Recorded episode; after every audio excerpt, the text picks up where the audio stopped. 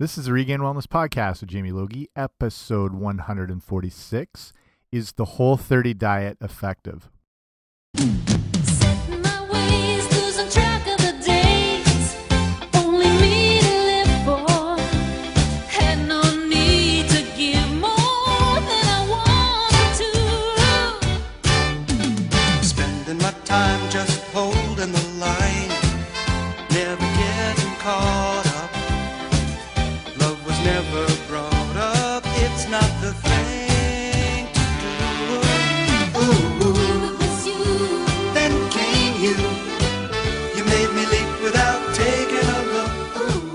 Guys, what's happening? Welcome back to the podcast. I'm Jamie Logie at RunRegainWellness.com, and this is the Regained Wellness Podcast of the same name. And kicking it off with, of course, the theme to Webster. I'm trying to throw in as many random 80s TV theme songs as I can at the start of the show. Hopefully, you remember this one. So, this episode is about probably the most I don't know, I, I guess popular and relevant diet or movement, nutrition movement at the moment, the whole 30 diet. So it's it pops up on a lot of you always see these end of the year lists that show up on, you know, things like CNN or whatever. They talk about what are the most effective diets or approaches. Diets a bad word in general. I'll get to that in a minute, but approaches and this year there was a lot of sort of dismissal of the ketogenic diet and whole 30 has popped up on a lot of these things as seen to be effective maybe not the most effective. So this whole show will be what whole 30 is uh, how it works the approach kind of my take on it pros and cons the whole deal. So hopefully you'll learn all about it or if you've already been doing it it's maybe a refresher and you'll learn a few new things about it. So before i start make sure you subscribe to the podcast wherever you get your podcasts whether it's the podcast fairy or apple podcasts itunes google play down the street around the corner wherever you get them i should be there. So make sure to subscribe so that way you get the show automatically sent to you each week. Okay that's out of the way. Let's go. So Whole 30 is interesting because it, it's kind of got its roots in social media and as far as how it kind of got pushed into the mainstream, how it got promoted. If you're not on, it depends kind of your demographic of where you're coming from if you're listening to this. If you're in your early 20s, you might be more on board with it. If you're older, you don't use things like Instagram, it might be a little foreign, but just think like Instagram's a very interesting place where there's so much you hear the term like social media influencers and it's probably no bigger than it is on Instagram because of the amount of people who are devoted to fitness whether they're fitness models or people who've had amazing transformation journeys. And it's a completely visual medium. It's just one shot. You can put a lot of you know captions and posts and quotes and you know influential whatever in your post. But i mean it's it's primarily completely visual and you see amazing physiques and bodies and conditions. And obviously there's a little that goes behind that as far as you know not just from filter usage but lighting camera angles body position angles. So i mean it can be a little misleading but the main thing is it there's such a huge kind of avalanche of these massive influencers who have built entire careers just off Instagram. And and people you've never heard of before but who have millions of followers. And like I'm there's the first one's coming to mind maybe just cuz I was scrolling through Instagram is a girl named Katie Hearn. And she's I mean whatever she just showed her normal fitness journey starting years and years ago on Instagram and you know develops this good physique. She's probably it's kind of unfortunate, but a lot of these influencers are known more for their uh, glute development as much as anything and booty building programs and whatever. If that's something people want, that's cool and that works for them. So, say in her example, she, you know, has a noticeable glute development and showcase that a lot. And then she started kind of connecting and sharing tips. And then that evolved into her doing these like booty building programs that were two or three weeks, and then that evolved into more and more followers to the point she's you know past a million or whatever and four times a year they do this fitness challenge thing where it's all done online and people share all their posts and info through Instagram and through different hashtags. They own her and her husband own their own like huge gym. They own a meal service, like meal delivery service called Bite Meals. They just launched an entire supplement product line. This is all off Instagram and just pictures that started going up and the whole thing builds over that. And there's a million examples of people like this that build it. If you look up the big hashtags like Fitspo and FitFam and InstaFit and just stuff like that, and there's just this whole kind of movement and network of all these people.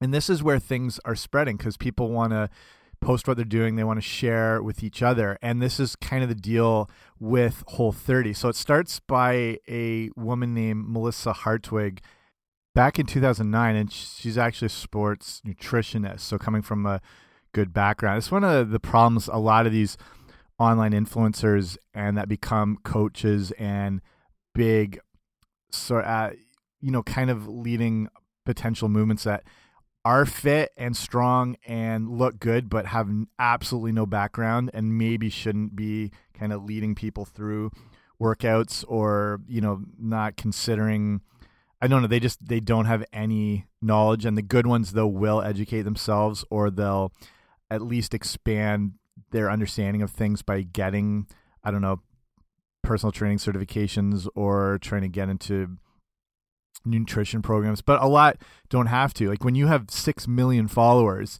it, it's like the Kardashian um, effect that anything you put up, people are going to jump on board with just because they see you doing it. So, I mean, ideally, these, I mean, sorry, optimally, these people are leading people towards more of a healthier lifestyle. So that's good.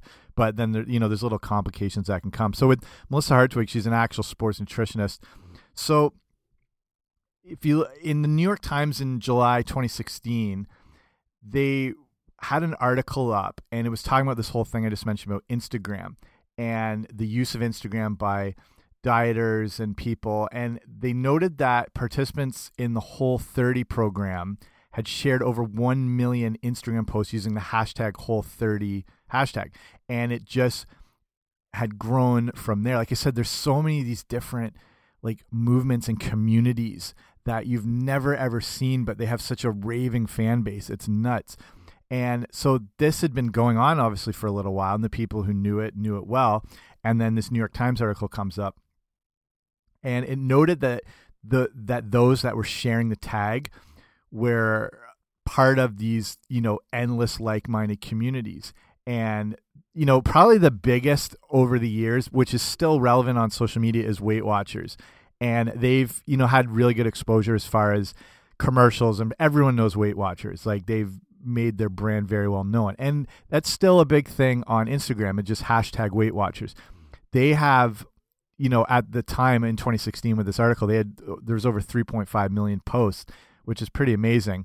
But the you know whole 30 is doing pretty well with a million.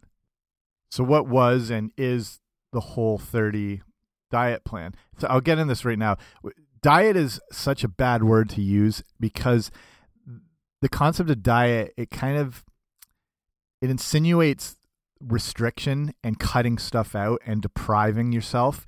And that's what when people think of a diet that's what they think. They got they can't eat. They got to take all this stuff away.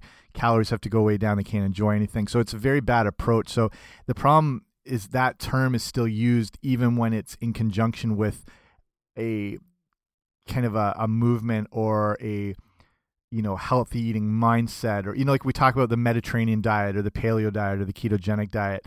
And that you know when i'm saying diet now i'm referring to the approach as opposed to the restriction you know so so diet in general is just not you know conducive to you know an ideal healthy movement but you know in the case of whole 30 it just kind of rolls off the tongue the whole 30 diet. So when i'm saying it like that i'm just referring to the the approach. So with whole 30 it's a 30 day here we, diet you know that emphasizes whole foods. And during this the whoever's you know participating you eliminate sugar you eliminate alcohol, grains, legumes, soy, and dairy. And it's, you know, on the surface, it's kind of like a paleo diet because essentially that's what paleo is is eating foods that our paleolithic ancestors would have had you know that ended around 10,000 years ago or when the agriculture age started when we started domesticating grains and wheat and then you know getting into you know rice or potatoes or whatever like stuff like that. Those starches really never existed.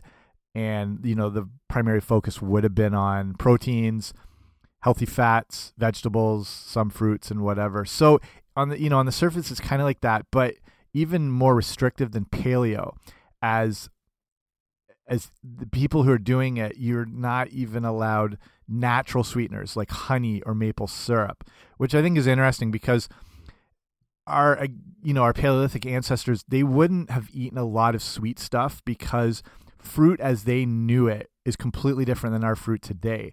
Our fruit has been so hybridized and evolved and that that's different than you know genetically modified foods which is a whole other thing but that's kind of thrown in the mix too. But we've been able to breed out traits we don't like from fruits and make them bigger and juicier and stuff like that. Like when's the last time you had any like a grape that had seeds in it you know and or even watermelons? They just seeds don't exist because we've been able to naturally take those traits away. It's the same thing with like dog breeding. You can breed out certain things and cross over things and we've been able to do it with fruit in, in still a natural way. Like farmers have been doing this for centuries and centuries and fruit now as we have it would be almost unrecognizable to a paleolithic ancestor because it's just too big and too sweet and fruit you know originally would have been more bitter. It would have been very fibrous. Um, if you look at something like a banana bananas originated in southeast asia and they were shorter they were thicker they were way starchier and they were so full of seeds that you'd probably find them in inedible compared to our modern day bananas which are brighter and sweeter and softer and fleshier and all those things have kind of changed over the time. So first you know if you've ever eaten a, like a sort of sour cooking apple or green apple or berries that are sort of that bitter sour astringent sort of taste that's more what fruit is in its natural state and that's how we would have consumed it. And we would only had access to it for very short period of time each year when the fruit was ripened. So we didn't have access to fruit year round from all over the place all at once.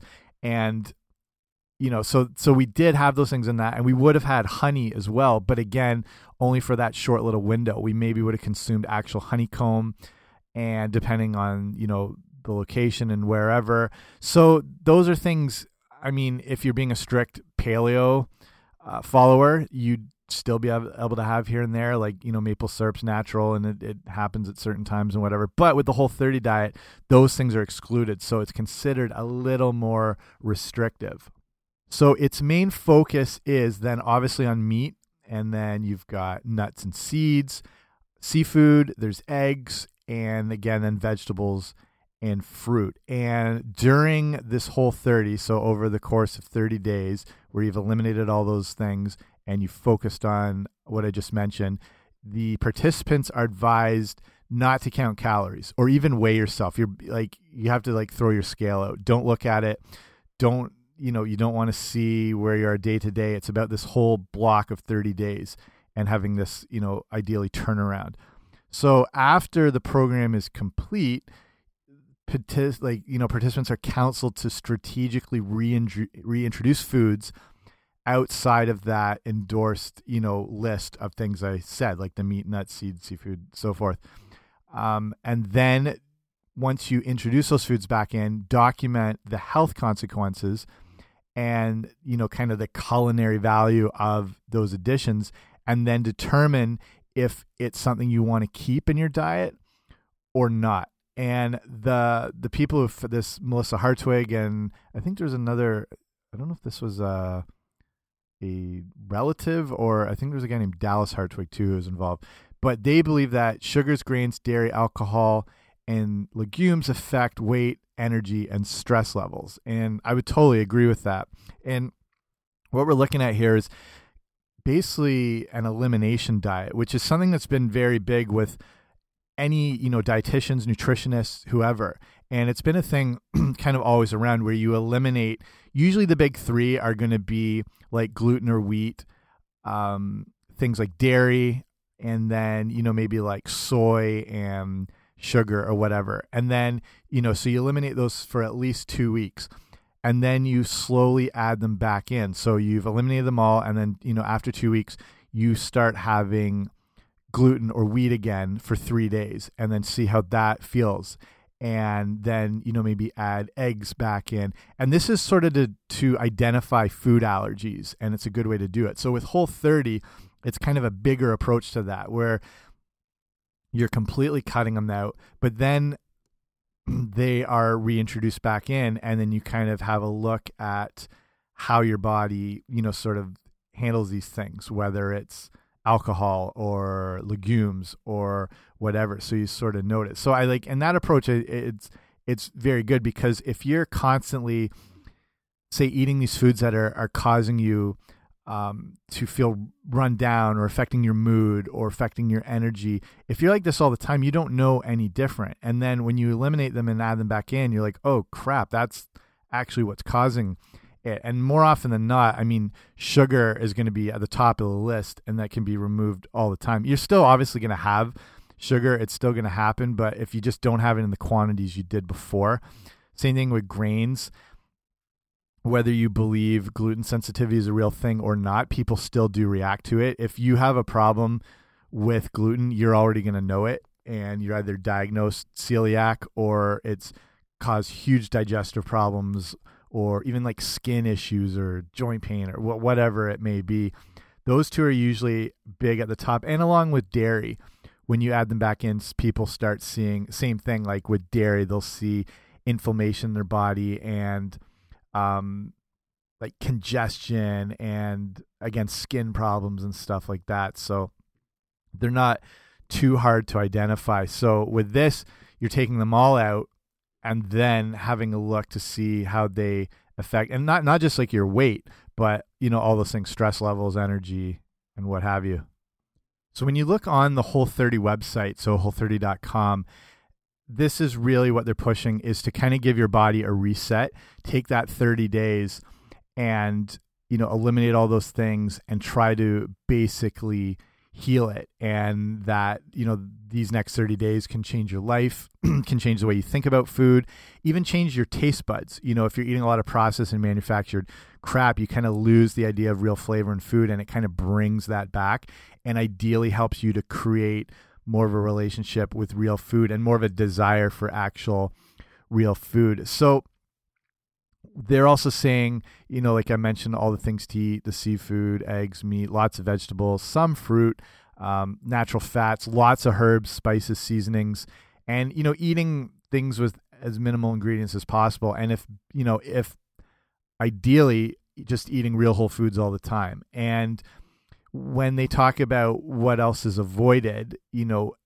no added sugar, real artificial. So besides the maple syrup and honey, you've got like agave nectar, avoiding coconut sugar, dates, date syrup, even stevia, Splenda, any of the artificial sweeteners. No alcohol, not even for cooking. Obviously, no tobacco.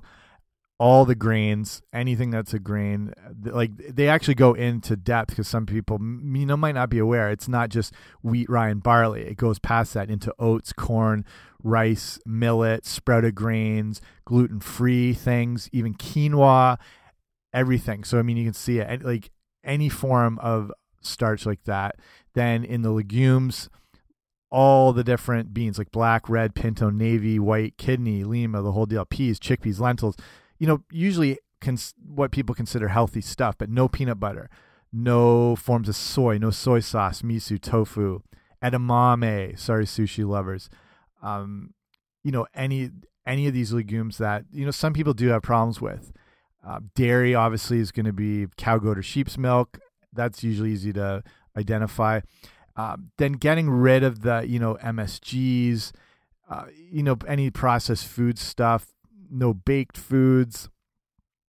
So there's quite a lot, and then you know along with it, you're eating all these natural, real whole foods, and they there's a few things that are included. So you can have ghee or clarified butter, which is the only source of dairy apparently that's allowed in the Whole 30 diet. Um, plain butter is not, but the milk proteins found in non clarified butter are a little different. So like as far as the the process and whatever. So if you've ever had ghee before, it is it's kind of it's hard to describe without tasting it, but it is a different substance than butter.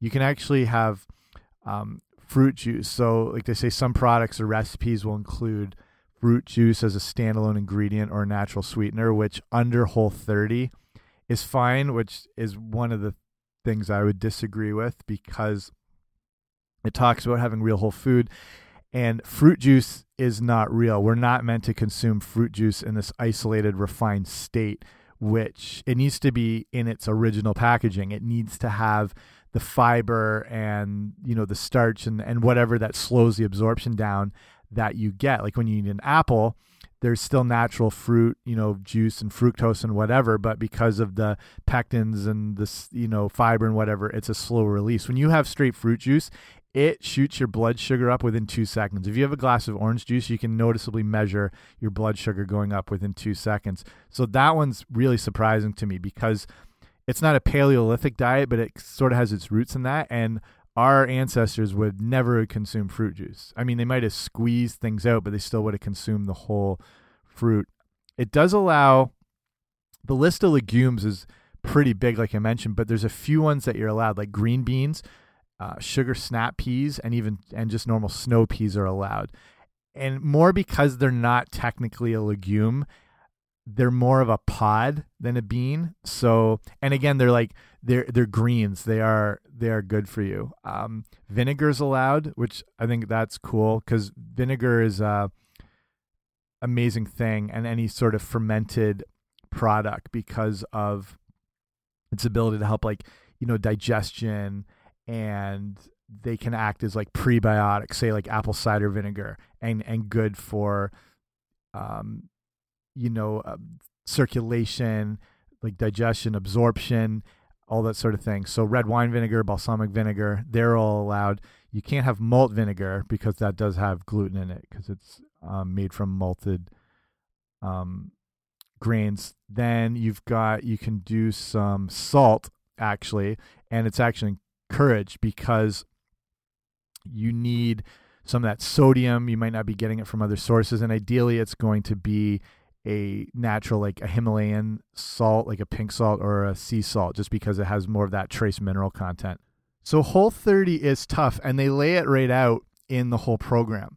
And not even necessarily a program, it, it, more of a, a dietary approach. So, the whole idea is that your job during these 30 days is to focus on making the best food choices. And this is what it does it helps sort of train you to think about what you're going for and make decisions or have the best option in any given circumstance. So you're not weighing things, you're not measuring, you're not counting calories.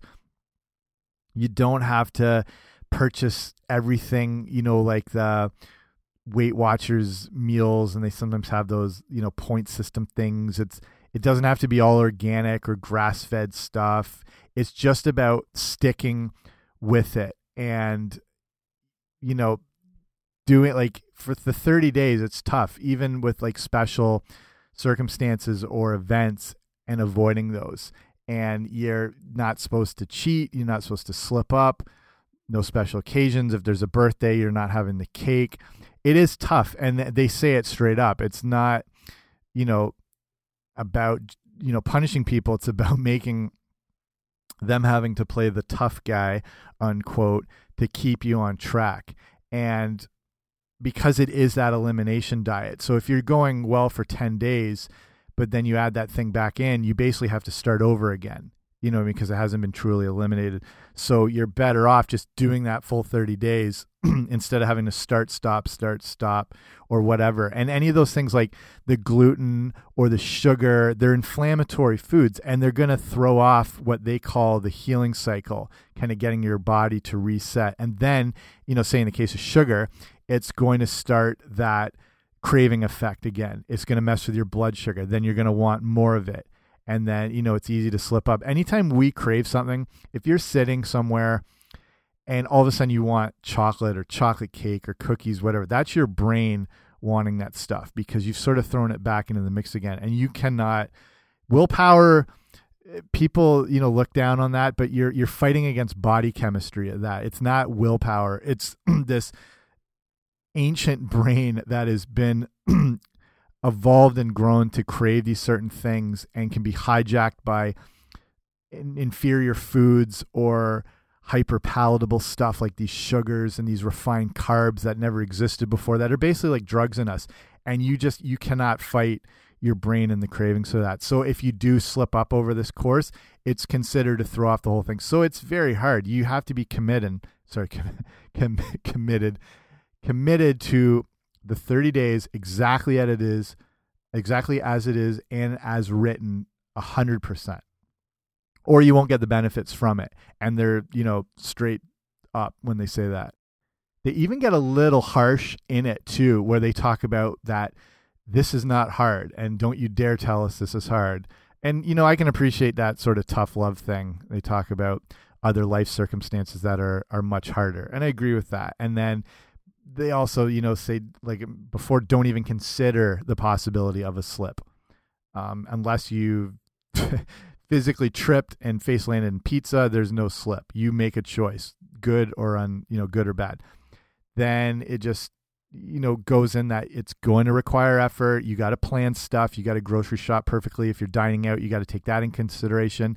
If you're going to family events if there's stress going on it takes a lot of work. I mean being healthy is not easy. If it was everyone would be perfectly fit. It takes work.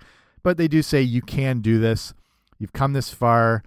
Um, you want to do this. You need to do this. And you know that you can do this. So you know kind of cracking the whip here but realizing what this is all about. So that's the whole thing in a nutshell. And my two cents is ultimately, I think it's good. I think as far as these, like, again, hating using the word diet, but, and even fad, it, it's kind of chalked up to that a bit. Whenever you see something that's on, you know, news shows or you read them on the Huffington Post or you see them on magazines. Do people even read magazines anymore? Whatever, it's like a little more in the mix or there's more books out there. It's inadvertently gets promoted as a fad because there's sort of hype behind it. And that can be to its own detriment. But, you know, if it's getting people to make healthy choices, ultimately it's good. So in my mind, there's, there's people that really don't like this thing. And I understand where they're coming from. There, some of these you'll see dietitians that say we want behavioral changes and dietary changes that are slow and progressive and then they're meaningful there's say like the grouping you know some people said the grouping of banned foods is both you know kind of random or bizarre from a nutrition perspective um, you know if the idea is good nutrition then cutting out whole grains and legumes is at odds with what a lot of other information says. There's some things that say whole grains are good and legumes can be amazing for your health. And it's been, you know, years ago it was even regarded as one of the, one of the worst worst health trends. So there's a lot of naysayers against it. And to me though, the more I looked into it, like it's kind of my, you know, my job to be aware of different diets and be up to speed with stuff. And it was one of those things that I thought I was like, ah, oh, this is this is not a far it's far from a scam but to me it seemed a little more like a sort of tabloid magazine type diet that you'd see like try this because Megan Fox is doing it or whatever but the more I looked into it I actually do like the idea behind it. And I think first eliminating foods to see actually how they impact your body is very important. I think everyone should do this at one point. If you're ever concerned about you know how you're feeling or you're feeling run down energy levels even mood and stuff like that it can come down to your diet. In a lot of cases it does. And when you remove those things like the dairy or the wheat and the gluten add them back in you'll get an idea how they actually impact you. And it's i suggest it to people all the time. You'd find you know you, you might be allergic to eggs and you have no idea. And you add them back in and you, you see you might be a little more like um, phlegmy or it kind of you know that inflammatory response in your body. So I think it's very good in that aspect to cut these things out and see how your body's actually meant to feel. And you know, 30 days isn't brutal. It's tough. It does take a lot. Um, again, like I've obviously no connection to whole 30, so I hope I don't sound like I'm pushing it. But the idea of putting a focus onto real whole foods and you know getting the most natural things possible and eliminating all those things i think is really good and again to kind of maybe get cravings under control and to get your taste buds back up. Like when you like you said when you're eating junk food all the time it's just they they're numb. You don't know what real food is anymore. And once you start eating some of these real good things like i make these meals that I'll, I'll do a lot of time where i'll just do simple like say sweet potato. I'll saute that in like a coconut oil with some um, chicken. I'll put in some, I'll toss it with like, you know, green onion and some cilantro. And I'll throw in, you know, like real garlic and whatever. And then maybe a little like a bit of balsamic vinegar into it. And then, you know, a tiny little bit of hot sauce I mix in. To me, that stuff is junk food. It's that good that like I would order that in a restaurant happily because you you just you sort of liven your taste buds for real whole foods. And then those are the things you start craving. And so at its core i think this whole thing is really good. It's just like what are you going to do after the 30 days? Are you going to go back to your regular way of eating if you were eating a lot of this stuff before and you're introducing it back in? Ideally you would have you would feel so much better on all these real foods that you just want to keep going going with them. And then it, you know, obviously enjoying stuff whenever, of course, do that all the time. It's not all the time, but you know what I mean? Like that is important and not to deprive yourself and have those cheat days here and there, you know, just don't let them get out of control, but you might find yourself say you're like you're craving um, you know, you're eating so well during the week and then you're just craving, I don't know, whatever it is, like a huge thing of pancakes and maple syrup and whipped cream, whatever it is. And then, you know, by the time when you get to it, you sometimes feel so crappy after that it's just not what you thought it was anymore. And I think that's one of the advantages of it or any of these elimination type things because you're not going to be depriving yourself. You're taking away like sugar, alcohol, grain, soy, dairy. You don't need those things per se, but the focus on those real things like good, ideally, if you can get those good, clean proteins and nuts and seeds and seafood and vegetables and fruits, like, I mean, the stuff you're made to eat. So that's, you know, of all these, you know, there's a lot of different approaches out there. And for what's considered sort of a fad, diet, I, I think it does have a lot of benefits to it. And I think it can help people. And I do, I honestly do like the approach. I like that elimination and then the reintroduction to give you an idea how your body responds to stuff. So I think I'll cut it off there. And hopefully that got you up to speed with everything and gave you a little more insight, whether you already had some or not, into the whole thing. Um, you can check out, so it's whole30.com if you want to see more. If you want to see the show notes for this episode, so like um, all the different stuff I talked about or links to, you know, whatever, it's regainedwellness.com slash 146. So thanks for listening. Again, if you like the show, make sure to subscribe, share it if you like. And if you really like the show, you can do this thing supporting it and me, I guess, on a platform called Patreon. And that's where you basically kind of you don't subscribe but you contribute like a dollar two a month and then that helps you know things with the show and keeping it going. It'll always be free but it's just a way to kind of boost it and you know improve equipment or you know whatever like that. So if you want to see more about it i won't go ramble too much but it's if you go to patreon.com slash wellness that has my whole little page thing and you can check that all out. Okay that's it for me. Hope you like the show Hope you like the Webster intro, and there'll be more of those coming up. Okay, see you later. Bye.